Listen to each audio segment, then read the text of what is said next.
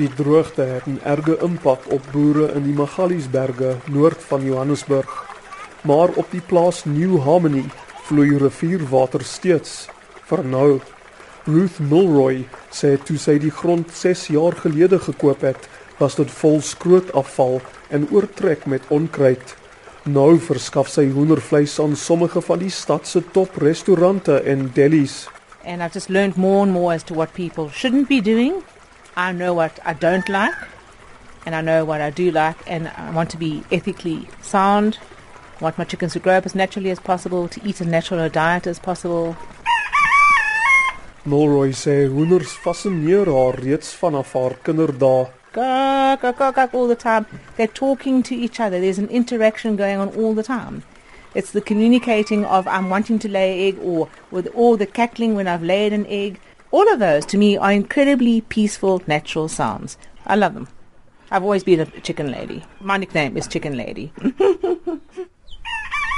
Molroy beskryf haar hoenders as 100% natuurlik. Sy sê plase wat hoenders in massas produseer, hou hulle gewoonlik in hokke aan waar hulle te veel kos gevoer word om hulle vet te maak voordat die hoenders geslag word. Dit is in kontras met haar hoenders wat gesond en gelukkig leef. They don't live under artificial light. They've got to go to bed and sleep with the sunset, and they can get up with the sunrise. They get exposed to the outdoors as quickly as they possibly can. All those noises they're making, they're saying, We want to lay eggs, we want to lay eggs. Norroy maak seker haar 600 hoenders is altyd skoon. Daar's geen onaangename reuke van hoendermis en chemiese skoonmaakmiddels binne haar skure nie. Die boer sê dis omdat sy die vloere met sonneblom bedek. It dries out the feces. There's no build-up of wet feces. The houses stay clean, they stay dry, free of flies. We put it into their food as well, so it keeps them clean so we don't have a problem with worms, internal parasites. Hoenders wat in hulle derduisende op kommersiële plase in hokke toegesluit word, is dikwels buitengewoon stil. Maar New Harmony se voëls is raserig. They're active, they're running around, they all pour out in the morning, run around catching insects, grubbing around the place. Molroy weier om haar hoenders hormone toe te dien en onnatuurlike kos soos vismeel te voer om hulle vinniger te laat groei. Dis vir haar belangrik dat hulle net natuurlike kos eet. Five different indigenous grasses that I'm planting, but then barley in the winter time, spinach, rape, kale, all are extra feed for the chickens. That's planted that they get to eat off the land. Sy sê haar hoenders proe so goed oor hulle natuurlike dieet. Omdat hulle vrylopend is en daarom oefening kry, word hulle ook nie so vet nie.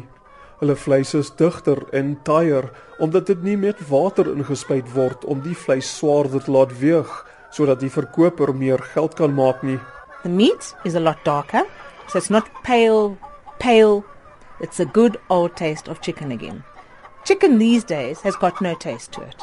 The youth of today, when they eat chicken, it's bland and tasteless. When they start to eat my chicken, they say, oh no, it tastes too much like chicken because they're not used to chicken. Nogtans is Mulroy se hoendervleis baie gewild. Sy verskaf vleis aan delis en eetplekke wat spesialiseer in die voorbereiding van vars organiese kos. Een so 'n plek is die Service Station restaurant in Melville in Johannesburg. Hier word New Harmony se hoenders daagliks gebraai of gerooster. Bestuurder Lou Kotse sê hy koop Milroy se hoenders omdat hulle die beste is wat hy tot dusver teëgekom het. Dit is ook baie hoë kwaliteit. Dit is ook gesonder vir ons kliënte en dis lekker om 'n produk wat naby aan die stad is in die stad bloot te stel. Almal is baie gelukkig met die produk. Ja, ons kry net positiewe terugvoer. Milroy het geen werknemers nie.